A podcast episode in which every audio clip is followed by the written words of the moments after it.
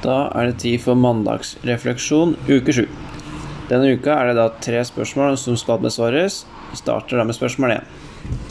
Først er hva tenker du er det viktigste forfatteren vil formidle i teksten hver for seg?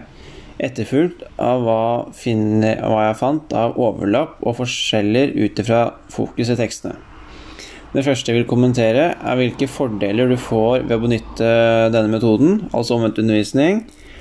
Og dette her er da et sitat henta ut fra 101 digitale grep. Omvendt undervisning går altså ut på at tida i klasserommet i stor grad brukes til veiledning, oppfølging og refleksjon, mens deler av den tradisjonelle lærerstyrte kunnskapsformidlinga flyttes til andre læringsarenaer. Altså det, mye, blir brukt mye tid på skolen til veiledning, oppfølging og refleksjon. Det neste spørsmålet en spør om, er hva slags overlapp og forskjeller ut ifra fokus i tekstene vi finner. Min tolkning er at Wølner Olsen er mer interessert i den summative delen av elevarbeid. At arbeid kan måles og resultater kan analyseres. I 101 digitale grep ser de mer på omvendt undervisning som en helhet, og vektlegger bedre på hvilken måte læreren kan planlegge og gjennomføre opplegg på skolen, med utgangspunkt i f.eks. en undervisningsvideo. Wøller nevner at omvendt undervisning gjerne er en god metode å benytte, men opplegget som ble gitt, bør inkludere elevsvar. Slik som gruppearbeid, der man som gruppe leverer et oppgavesvar. 101 digitale grep forteller om omvendt undervisning uten å konstant måle hva elevene har fått med seg. De forteller videre at, at ved å gjøre dette, så er det nettopp en risiko for at elever ikke får med seg det de skal. Så spørsmål to. Hva fant jeg særlig interessant ved teksten?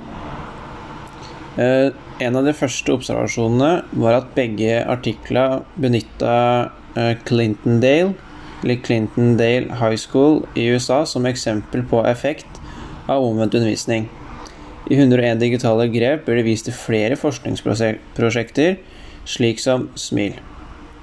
Jeg savna kanskje noen eksempler i teksten på Wølner Olsen ved da forskningsprosjekt der de benytta omvendt undervisning.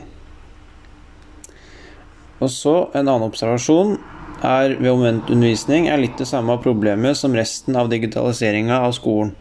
Altså Skolene henger etter. Jeg tenker da på undervisningsvideoer og opplegg som baserer seg på gitt under undervisningsvideoer. Lærere og kollegaer burde samarbeide bedre om de skal benytte seg av omvendt undervisning som metode. Min erfaring er at omvendt undervisning blir benytta i mye høyere grad på videregående skoler enn ungdomsskoler.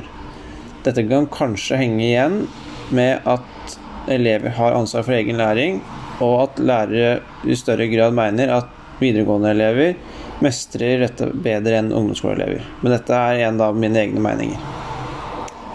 Spørsmål tre.